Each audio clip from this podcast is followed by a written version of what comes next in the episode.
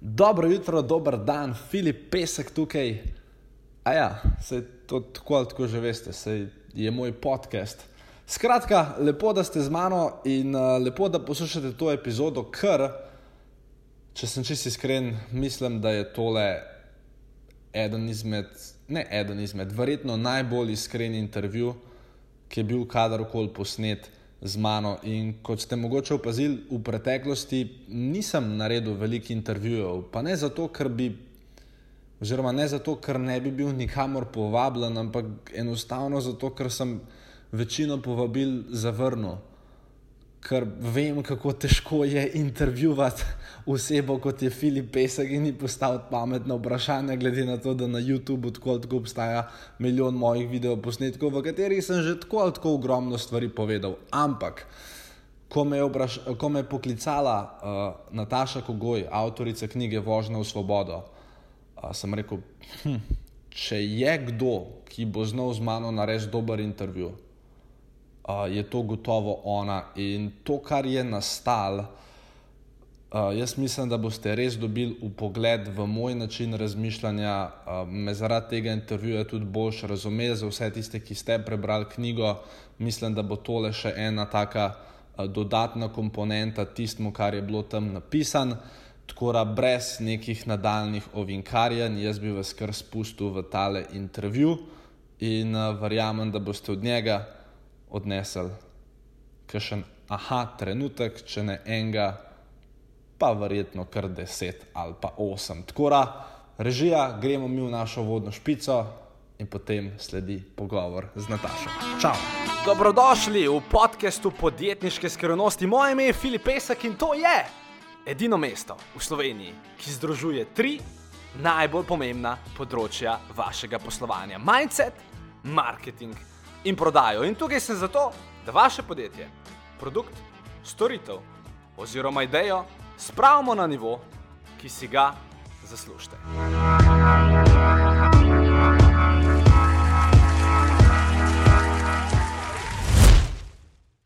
Pozdravljeni, sem Nataša Kogoj in dobrodošli v mojih pogovorih s prav posebnimi, izjemnimi gosti.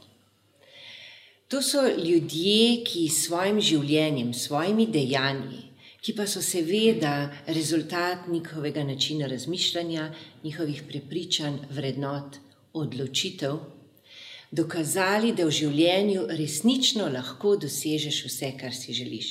To so ljudje, ki živijo svoje sanje. In to so ljudje, ki so nam vzor, inspiracija, navdih, podpora.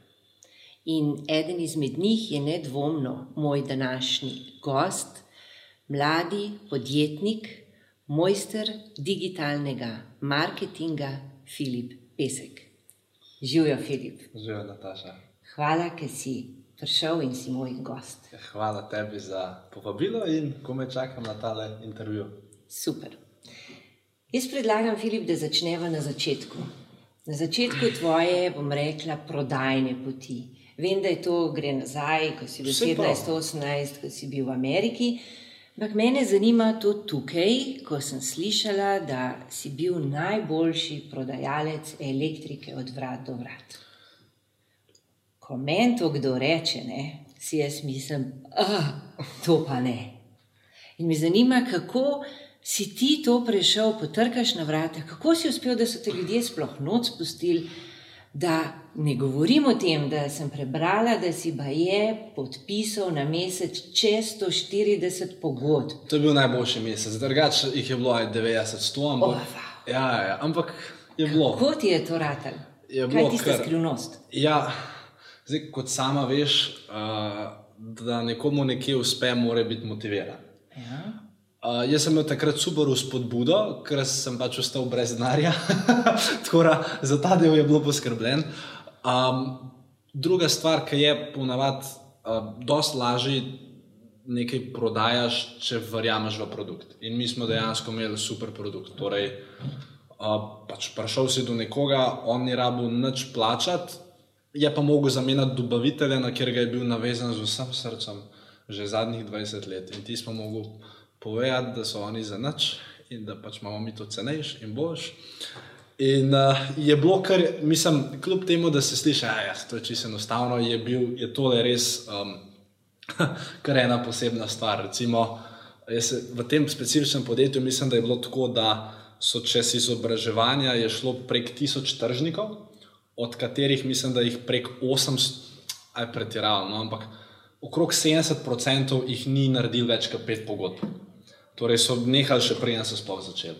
Uh, tako da, kako se je to zgodilo? Um, ja, eno je bil sigurno navdih, uh, potem imel sem nekaj prodajnega predznanja, uh, predvsem pa to, no, da sem bil pripravljen delati uh, in sem se bil pripravljen gnati, uh, izpopolnjevati svoj prodajni sistem.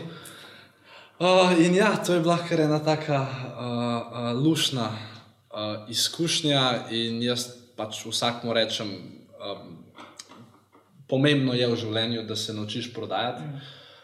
Uh, in v trenutku, ko znaš ti nekomu potrkati na vrata in, in ga pripraviti do tega, da te on ne pozna, do tega, da, da te spusti noter in da pa na koncu celo nekaj podpiše, to je, ko enkrat to znaš, uh, so ostale stvari zelo enostavne. No? Mm.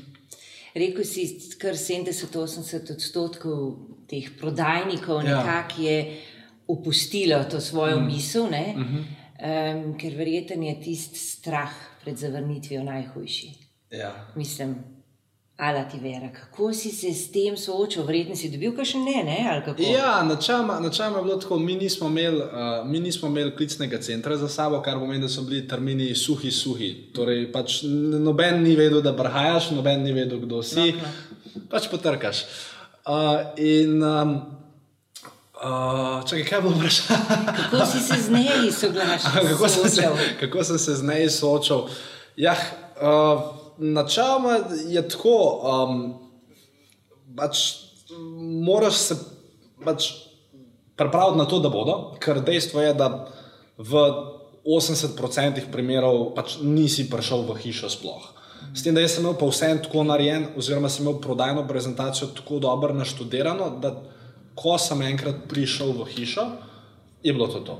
Pač ni, ni bilo takrat več, ki je dosti mogoče, da je 5% prodaje od unih, ki sem prišel v hišo, ni bilo zaključenih, ampak tudi namerno sem svojo prezentacijo tako naredil, da je on v bistvu že kome je spustil v hišo, se je v bistvu že takrat vse odločil. Ni bilo, ni bilo tako, da bi zdaj jaz se tam zrinil noter, pa da mu tam vse razložil, ampak sem mu že na vratih vse lepo povedal. In tle je pač ključno, no, pač kar se dogaja prodajalcem, ne samo od vrat do vrat, vsakim prodajalcem, mislim, vsem prodajalcem, je to, da izgubijo entuzijazem po določenem številu zavrnitev. Ja. In, in ja, včasih se je zgodilo, da recimo jaz sem imel ponatek tako, da je bil moj delovnik, mislim, sami smo si ga naredili, ker smo bili prek SP-ja sodelavci te firme. Um, jaz sem pomagal delal od 10. zjutraj do ne, pač stek, ne, september, oktober, dokler je dan, torej do 7-8, po zimi pa pač do takrat, ko je noč, torej 5, po 6. In včasih je bilo tako, da od 10. zjutraj do 2, pol 3, včasih nisi naredil nobene pogodbe. To pomeni, da si 4 ure pa pol horil. Uh, in pač ni, ni, ni bilo noč.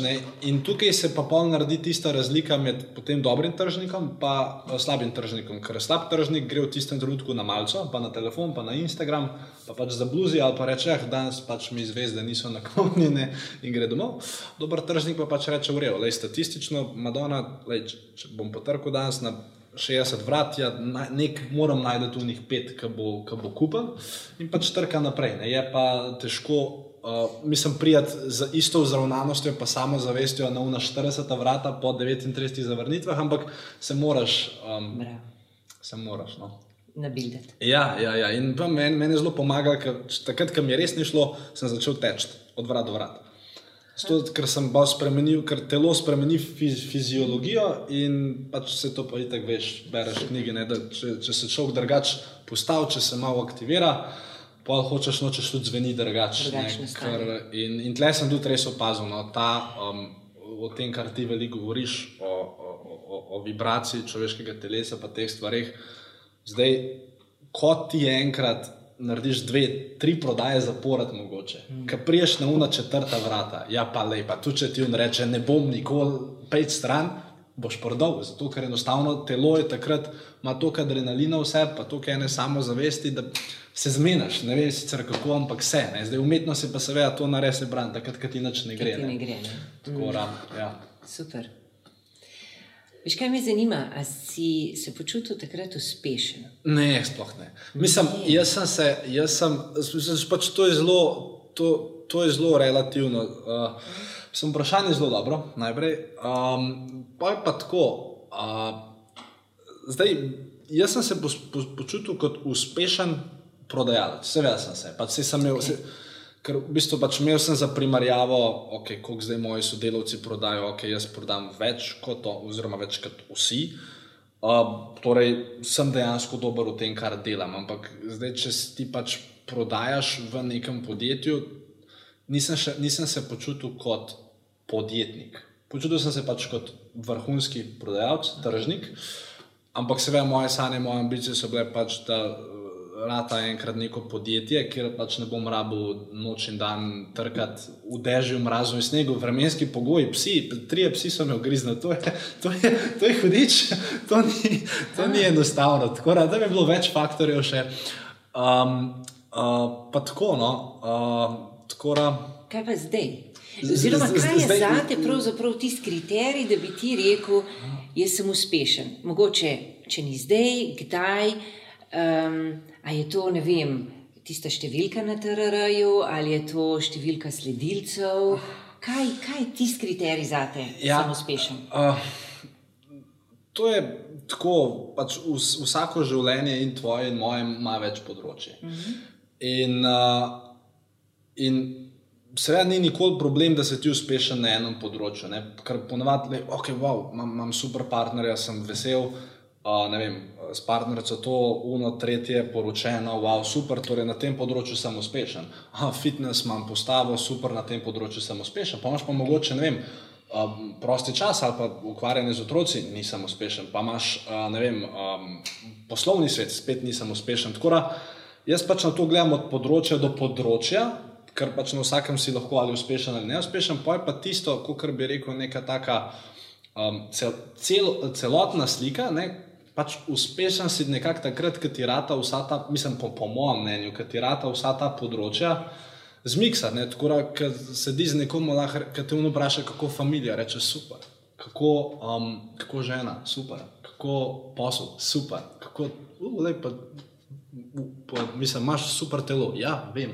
Ker se te stvari pa nekako poklopijo, takrat pa jaz to zdaj generalno gledam, kot, pa tudi seveda pa ostane na terenu in vse te stvari, ki si jih omenila. Tako da, uh, ja, mislim, življenje ni samo posel, uh, ne, ker imaš tudi ostala področja in zdaj na več teh področjih, ki ti rata biti uspešen, pa lahko nekoga pogledaš v oči in rečeš, ja, počutim se uspešen. Ja, mislim, tako jaz razmišljam. No super, teh drugih področji se bomo pa še ja. malo dotaknili. Uh, zdaj bi pa šla, ker del tvojega uspeha so nedvomno tvoje delavnice. Jaz sem bila na ene parih tvojih delavnicah in moram reči, da me je najbolj presenetilo to, da si povabil kot goste, govornike, pravzaprav tudi svojo konkurenco. Uh. -huh. Si ti ne bojiš konkurence? Ja, jaz sam zase, jaz sam zase pač razmišljam tako, da je nimam. Um, zato, ker mislim, da to, kar jaz delam, um, je zelo težko duplicirati ali pa je zelo težko ponoviti. Oziroma, tako verjamem v to, da sem edinstven, da pač me ljudje ponavadi ne primerjajo, kaj je dost zdaj on z njo. Ampak je pa načeloma tako, no, v tem prostoru, um, kot se rekla, delavnic izobraževanj je v Sloveniji, ne vem, da jim rečem od 5 do 20 ljudi, ki pač ta biznis lepo furajo, ki jim gre, ki znajo z ljudmi komunicirati. In jaz um, sem te ljudje, ljudi prvič z veseljem vedno povabil, zato ker verjamem, da lahko dodajo neko dodano vrednost delavnici, ker tudi tako. Mislim, za, za gledalca je zanimivo, da jaz ne govorim 8 ur, vseh 8 ur. Plus on lahko mogoče pokrije eno drugo področje, uh, tako da to je definitivno zanimivo. Druga stvar je pa, um, zdaj čisto psihološko gledano, uh, sej mogoče je res, da jaz predstavljam svoji publiki nekoga drugega. Sam, po mojem, to unga, ki pride, fuz za frustrira.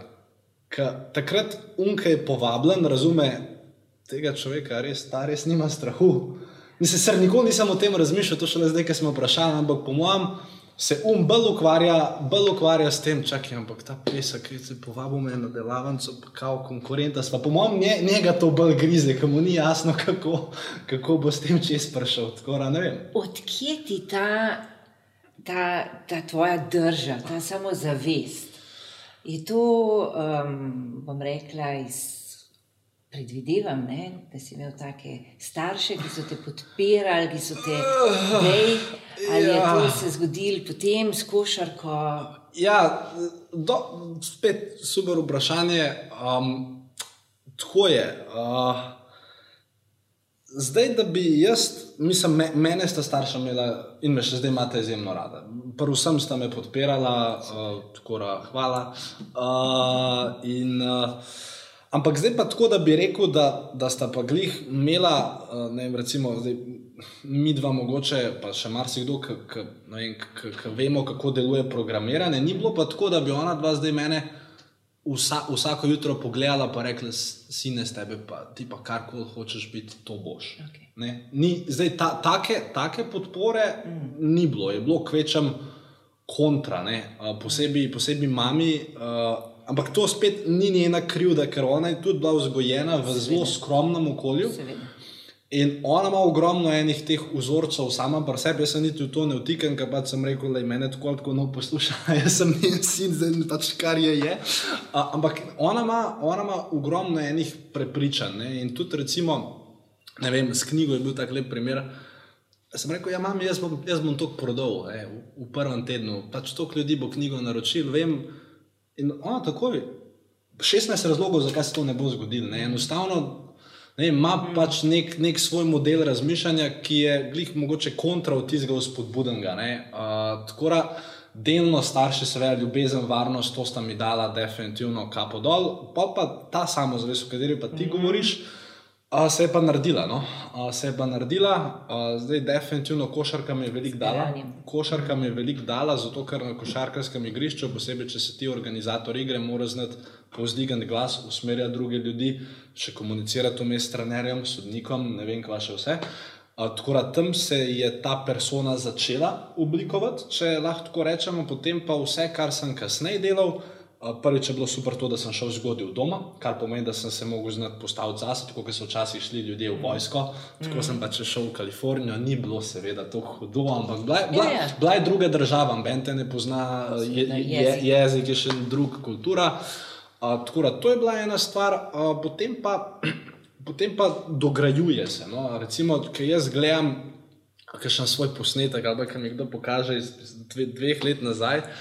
A, dejansko in na tisti točki, jaz sicer ne vem, ampak ker, ker nisem bil še tako prepričan vase, sem zadevo relativno, oziroma zelo dobro odigral. Jaz mislim, da bi na AGRFT-ju, da bi lahko še enega Viktorja dobiti, nekaj se lahko zgodilo, ampak ker nisem imel še toliko svojih rezultatov, sem dejansko pač se mogel postaviti in reči, ok, jaz nekaj vem, jaz nekaj znam, poslušajte me. Kar ni enostavno, ne? ker danes lahko tudi tisti, ki me spremljajo dlje časa, vidijo, da sem jaz malo bolj na komod, bolj, bolj na izi, mhm. bolj sproščen. Um, ampak ja, na začetku sem pa dejansko pač mogel um, pač jaz toliko verjeti vase, da iz tega nekaj bo. Tako da, ne vem, dograjeval se je in še vedno se dograjuje iz dneva v dan. Uh, tako da ta samozavest je kon, konstantno delo, um, pa iz, predvsem izpolnjeva, izpolnjevanje svojih obljub. Ne, ker pa tudi meni marsikdaj ne rata, ne. tudi jaz, kdaj je bodilko. Snus.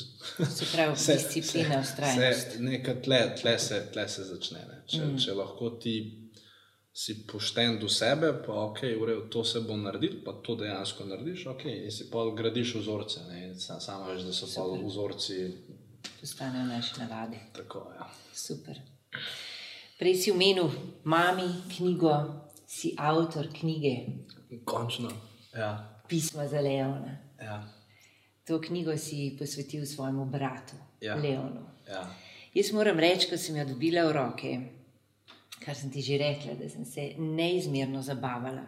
To mi je tako pomemben pri tebi, da se učim na zabaven način. Hvala. In to daješ skozi to knjigo. In kaj meni dala ta knjiga, so bili tudi razni tisti, aha, a ne? ker res to pričakujemo dobre knjige, ker to me pele naprej. Ja, seveda.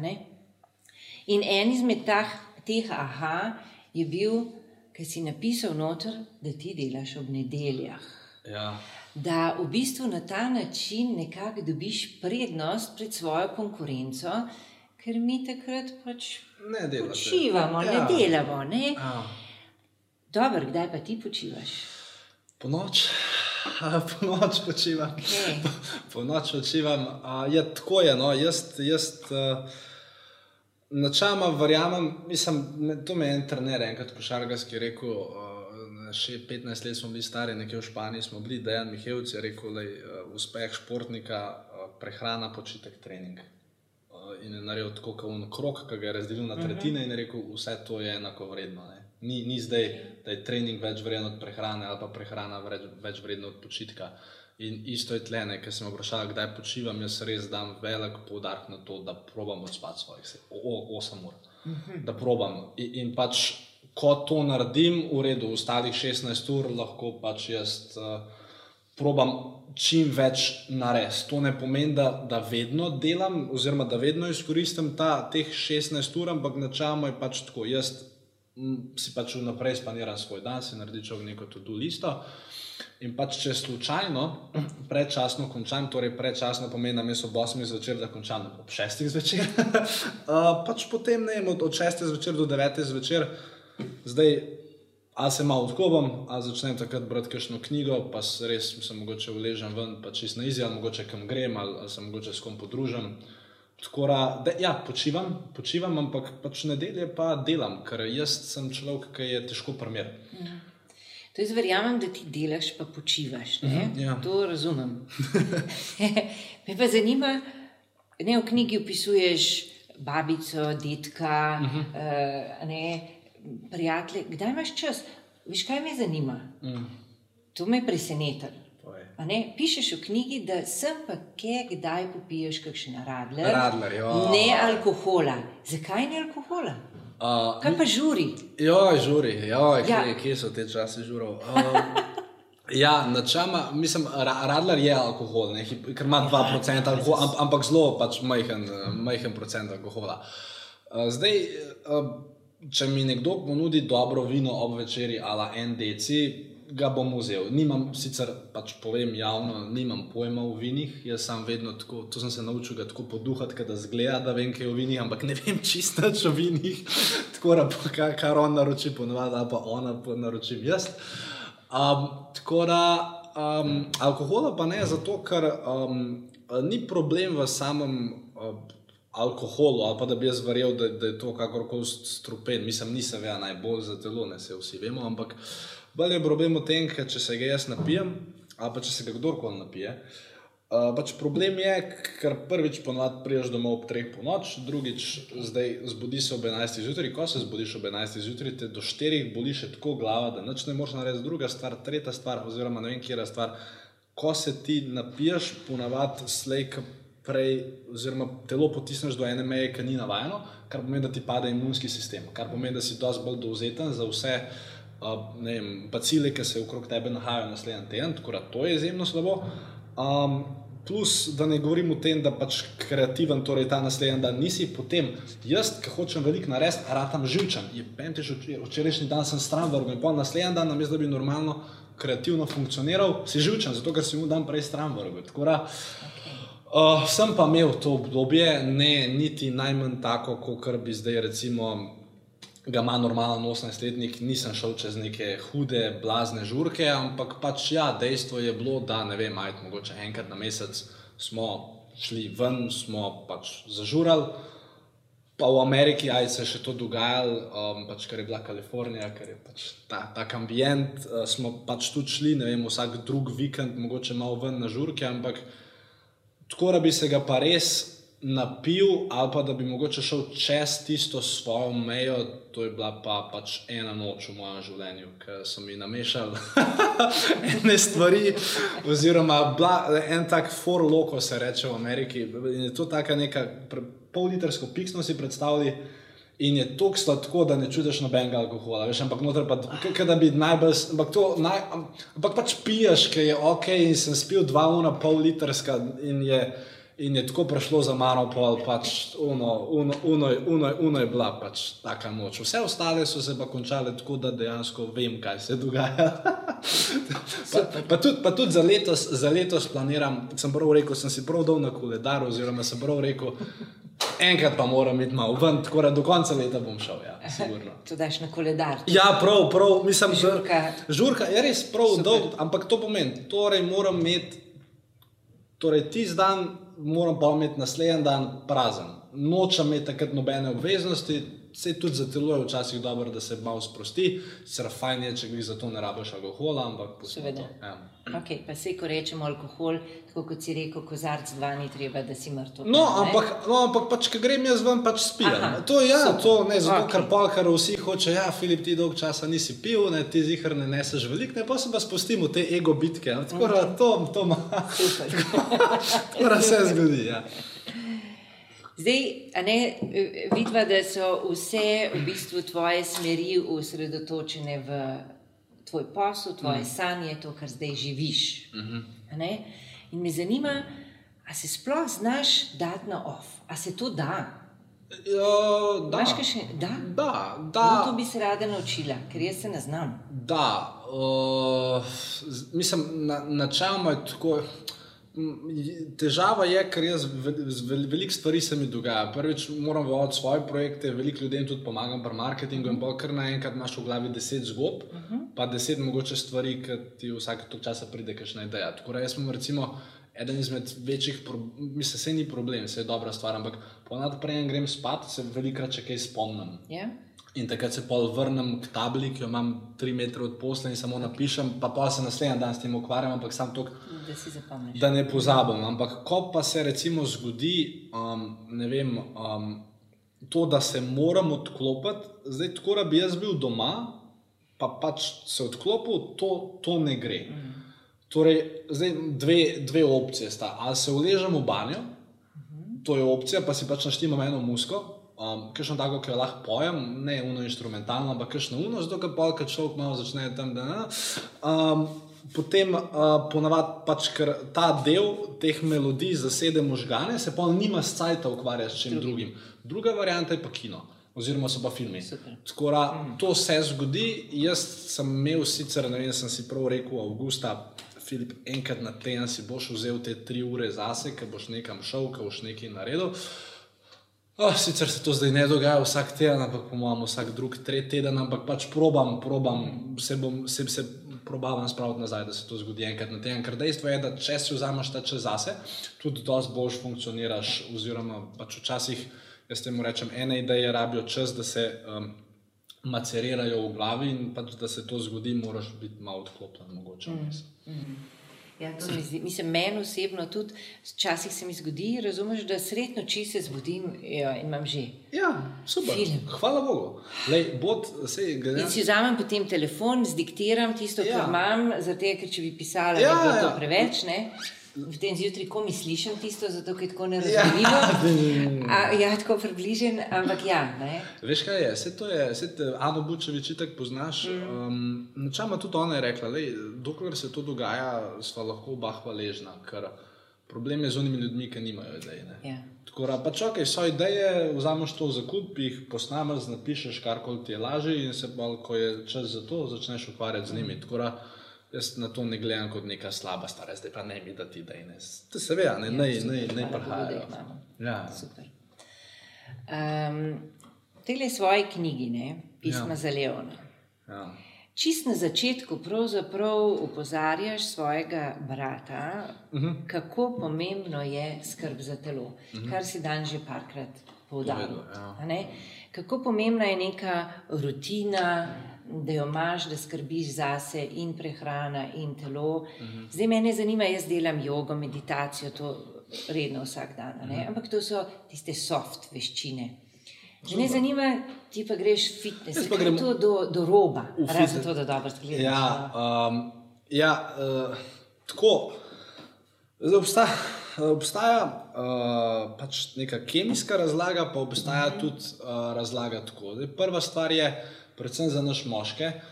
Um, uh, okolje je tako narejeno, da če ti zgledaš šipko, če tvoje telo zgleda šipko, um, v bistvu si ljudje na podzavestni ravni te dosti bolj premetavajo. Ne govorim o fizičnem nasilju, ampak govorim o psihičnem nasilju. To seveda ne pomeni, da rabiš biti ne vem, kakšna umara, ampak pustimo zdaj to. Tako da fajn je, da, da, da zgleda, kot pač da si. Druga stvar je teste, uh, testosteron, zelo pomembno. Uh, s tem, ko pač daš svoje telo do neke meje, se ta um, ne, ne, hormon začne mhm. kopičiti v tvojem telesu in to vpliva potem na, na vse, od uh, vsega življenja do, do procesov v telesu, na vse stvari. Uh, tretja stvar, ki je, je potem to, da uh, je pa pol spet to. Um, zelo prav nam bo prišlo, vsakmo izmed nas, če bomo čim večkrat um, premikali svoje meje. Ne, če, če v bistvu probaš in, in v bistvu fitness je neke vrste, aba fitness, aba košarka, vse ne, uh -huh. ne hodim samo fitness, je tudi drugi športi. Uh -huh. um, s tem premikaš meje lastnega telesa, tekmuješ sam s sabo in s tem, ko te, ti tekmuješ, oziroma premikaš meje lastnega telesa, kaj misliš, da se zgodi samo zavestjo, spet gre gor in se potem odraža to na ostalih področjih. Tako, tako da z vidika uh, tega, uh, uh, kar si rekla, kaj je uspeh, ne? zato ker si pa na tem področju uspešen, pa ker vidiš nek napredek.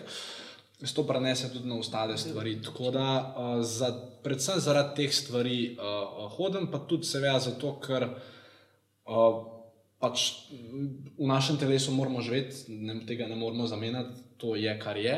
In um, če je pač to telo v, slabi, v slabem stanju, uh, trpi vse ostalo.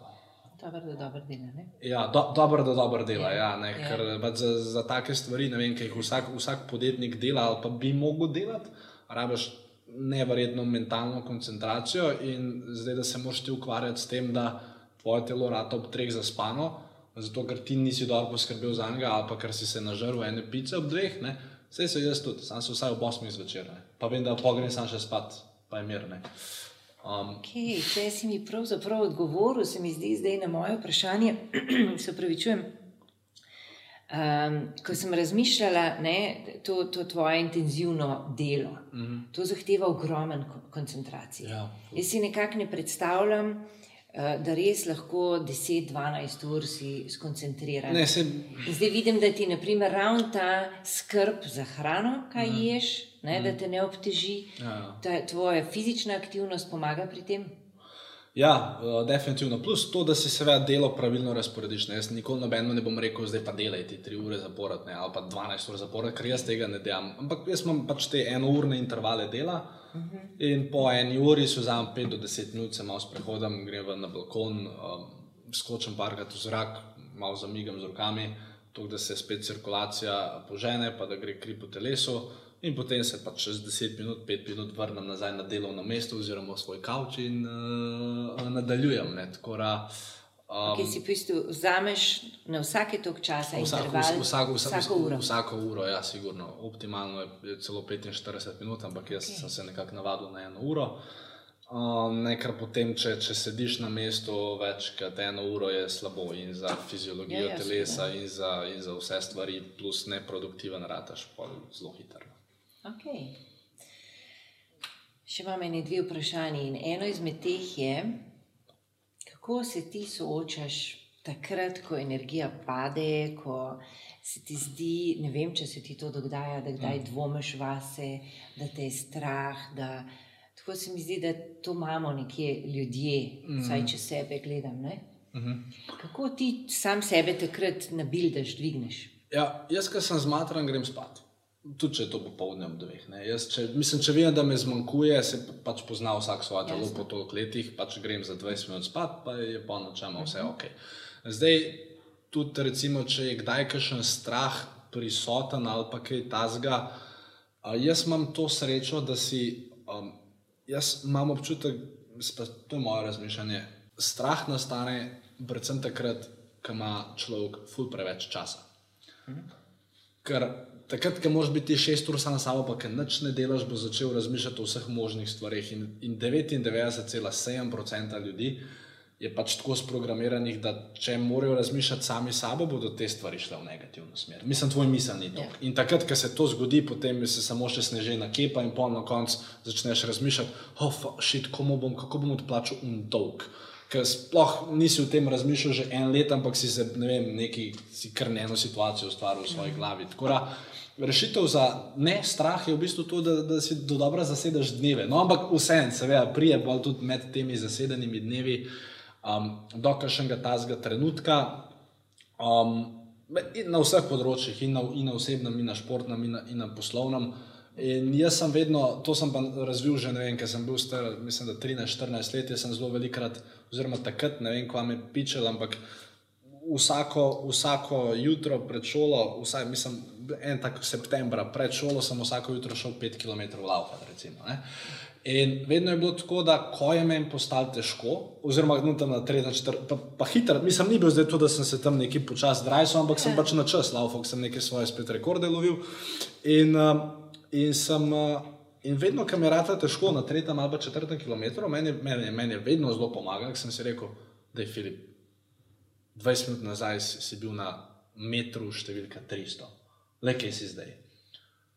Tako da vedno, vedno sem se, čak, dej, lej, o, vedno sem se spomnil, le kva se je že vse zgodil, pa, pa, pa si še tle. In tudi danes, recimo, ne vem, rata je en problem, rata je en izziv, rata je ena težava, neki se sesuje. A, in uh, jaz vedno pač izhajam iz tega, da si pač rečem, da je Filip, tok enega sranja se ti je že zgodilo v tvojem življenju.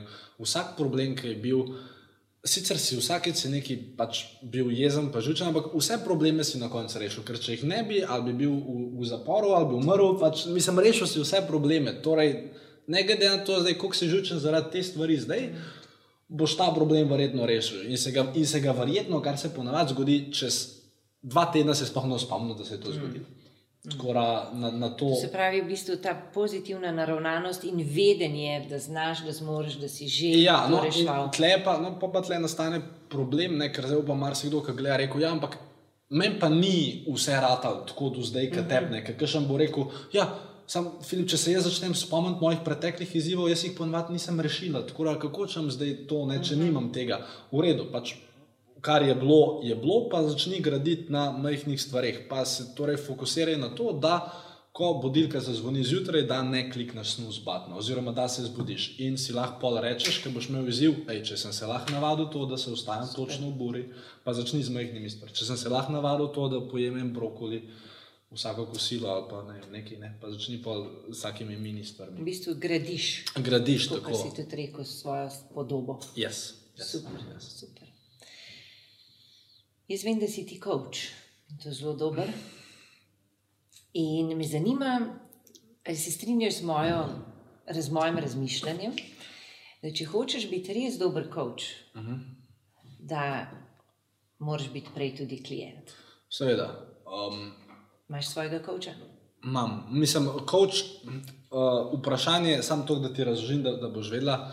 Jaz, ker ne vem, kaj si, ljudje, kaj si ti predstavljaš kot coaching, kot, kot, kot, kot proces coachinga, oziroma da de, deva definirati, kaj pomeni biti coach nekomu, tudi da bodo mogoče gledalci vedeli. oziroma Če da- jaz da- pogledam sebe in svoje coachinge, to pomeni, da jaz uh, postavljam človeku vprašanja, da nekako gre iz svojih okvirov, iz svojih uh -huh. škatlic. Uh -huh.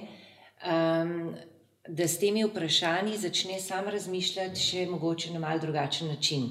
Okay. Aha, a ja, to lahko pa tudi tako, to pa nisem sama prej tako razmišljala. Okay. In na ta način išče v sebi svoje resurse. Okay. In ali je zdaj ta coaching pomen coaching na osebnem področju, poslovnem področju ali Mislim, na da je to čisto vse. čist vse? Ja. Okay. Torej, recimo, ali pod coaching spada recimo ko prije podjetnik k tebi k teb z izzivom in pol ti ta izziv rešuješ. Ali je to proces coachinga ali ne? Načama? Ali je to bolj svetovanje? Jaz mislim, da je to bolj svetovanje, ne? ampak okay. verjetno je to nekje en paketek. Ja, mislim, tako tudi jaz Ne? razmišljam, ker recimo coachingov, kot jih delaš ti, uh -huh. jih jaz ne delam. Ah, okay. In to, da bi zdaj jaz nekoga recimo vodil, ne vem, vsak teden Skype, pa da bi se z njim pogovarjal, pa reševal. Ne. Si mislim poslovno, ne? Ja, ja Aha. mislim, te, Ne, te, tega, pravi, te, tega načina, te, ja? te, tega načela ne delam, ampak uh -huh. svetujem, svetujem pa ogromno eh, ljudem na tak in drugačen način in, sem- in sem pač zraven pri projektih. Uh -huh. Se pa nikoli nisem, uh, mislim, ne da ne bi znal, ker sem tudi to mogel velikrat narediti.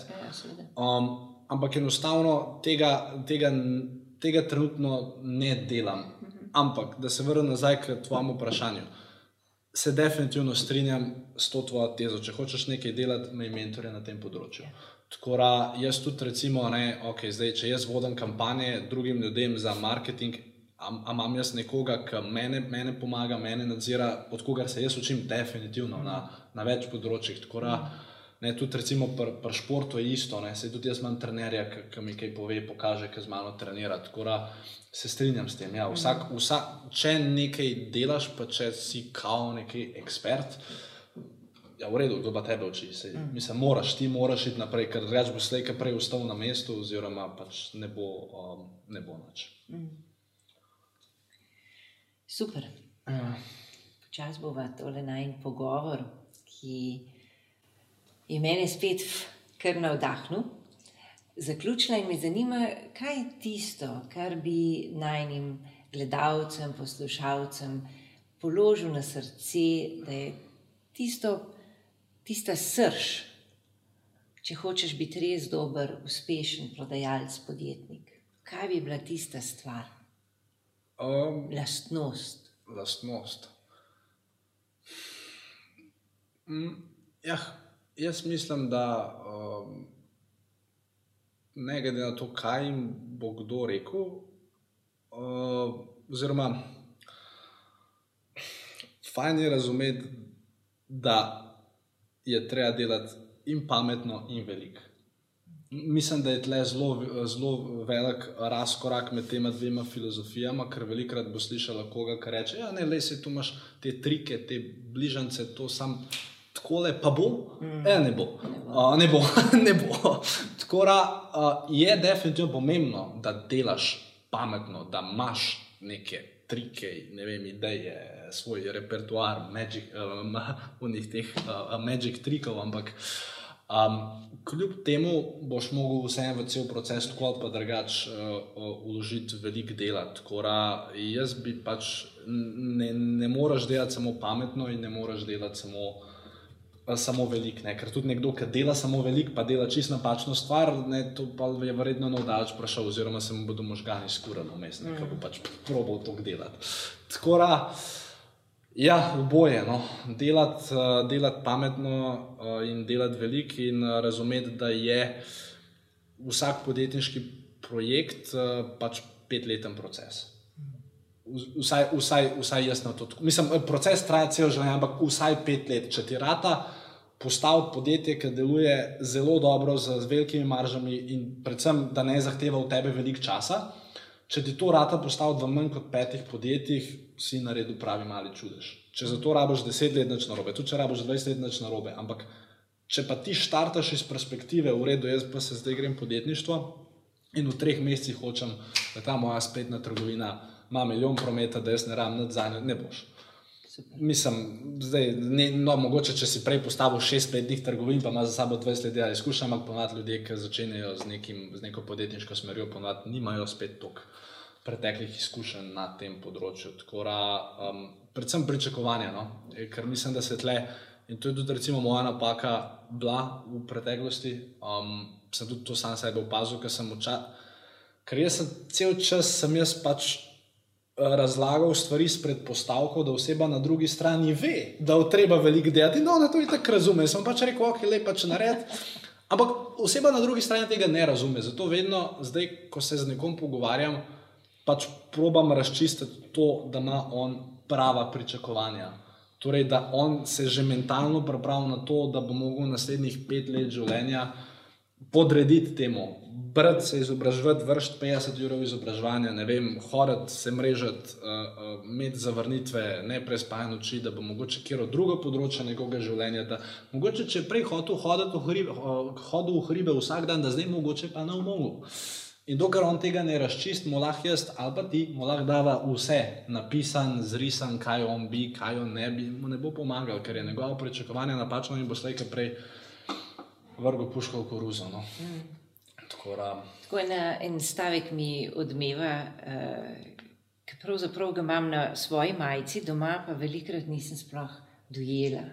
A veš, in zdaj le sem se spomnila, nobody said it was easy. ja, res, je. Ampak se splača. Ja, seveda se, vse drugače. Mislim pa tudi, uh, ne, vsak ima vse podjetniško žilico. Um, Sej me, me tudi nekaj si prej sprašvala o delu, pa v teh stvarih. Sem, pač, tako pa rečem, meni pa še rešiti izzive, meni pa še delati, jaz uživam. Ker za me je, jaz pač izhajam iz košarke in za me je vse igra. Ne, in če, ti, če ti na to štartaš uh, s to mentaliteto, ne, to je za me igra, moram jo, mislim, je to resna stvar, zelo resna stvar, Ja. ampak če lahko ohraniš tisto svojo uh, otroško igrivost v vsem skupaj. Um, To, kar je v tvoji knjigi. Ja, n- nekje, nekje je to v knjigi napisano. Ja, Je, ja. je. Ne vem, ne spomnim se, veš, pisal sem jo, pisal ja, vse, ne, tri mesece nazaj. Ja, veš, ne vem več, ampak ja. Ne, ampak tvoja igrivost je skozi celo knjigo a ne? in to mi je tisto, kar mene tako Ja, ja, ja. fascinira. In čisto za konec, eno mogoče provokativno vprašanje. A si srečen, Filip? Jaz, zdaj le sem. Zdaj le sem, zdaj le sem. Ne, ker, ker, ker so imeli en tak super pogovor. Zdaj, gen, Yes. generalno, generalno, če pa pogledamo celo schemo, jaz bom rekel, um, uh, sem hvaležen za vse, kar se dogaja. Res, res sem. Ne, ker, ker si, mislim, pa, včasih kakšno stvar res težko dojamem. Ne. Zdaj, ko sem, sem prišel dol v parkirni hiši, ena je. O, Filip, a se lahko slikava? Kdo se ti? Fi, a, a, in tega, tega mogoče si res nisem mogel dve leti nazaj predstavljati in sem hvaležen pač za vse, ka, ka, kar se dogaja, ampak hkrati pa uh, nisem pa še tam, kjer bi rad bil. Okay. In, uh, in, in to me žene naprej, zato ker vem, koliko uh, koliko potencijala je še, kaj še vse lahko naredim, kaj še vse s tem znanjem, ki ga imam, lahko ustvarim. In to me žene, to me žene naprej. In, in ja, sem srečen za trenutek, pa sem pa spet živčen, da imamo naslednjo stvar narediti.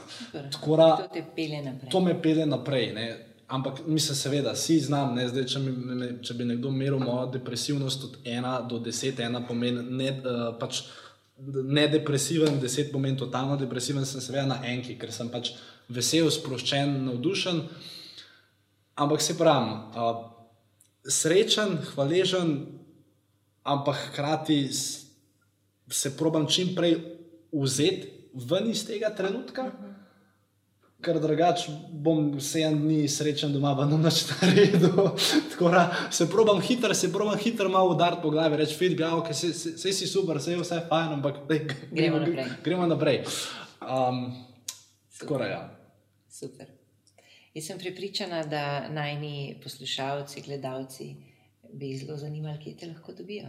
Ja, trenutno so tlele, ne? Uh, ampak, ne, am, am, ampak ne bo več dolg. Uh, drugač pa, ja, najleže, uh, najlažji način je seveda, da grejo na uh, spletno stran, kot imaš ti, da grejo na filipesek.com.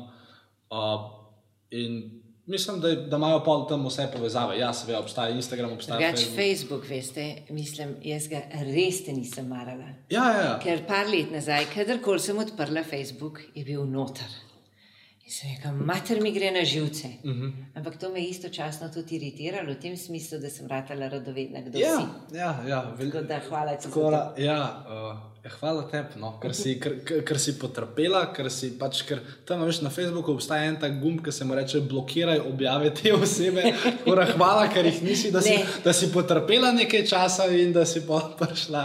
Ne, ker prišla. so me vedno malo potegnili. Ja. Ja. Tako da izgleda, da je tle tista tvoja edinstvenost, ne kako Ja. ja. znaš pretegniti. Tako da hvala ti, hvala ti za tale današnji pogovor. Jaz sem se nazabavala, jaz, eh, ne, tako kot vedno, dal si mi spet kaj misliti. Ja, in pa za vse tiste, ki mene, me, mene poznate, pa slučajno Nataša, ne če ne, ne vem zakaj, je ne, ampak mogel bi jo. Uh, uh, tudi to, kar ti delaš. No, um, Je super, fino, fajn. Uh, Hvala. Uh, Lušten, uh, tudi Nataša ima knjigo, tako da pol pej, ko ste šli v knjigarno, mislim, pa na filipesek.com ali pa kamorkoli, polka to kupite, kupite še njeno. Ja, tako da, ja, kar, kar tam si tudi ti zapisala vse svoje Ja. modrosti, vse stvari. tako Da, Ja. Jaz mislim, da se lahko vsi od vsega veliko naučimo. In od tebe, in od mene, tako da tudi tebi izjemno hvala no, za Hvala tebi. povabilo. In, uh, ja. Super. In hvala vam vsem, da ste bili z nama, in se že veselim, da se spet vidimo, ko bom imela naslednjega gosta.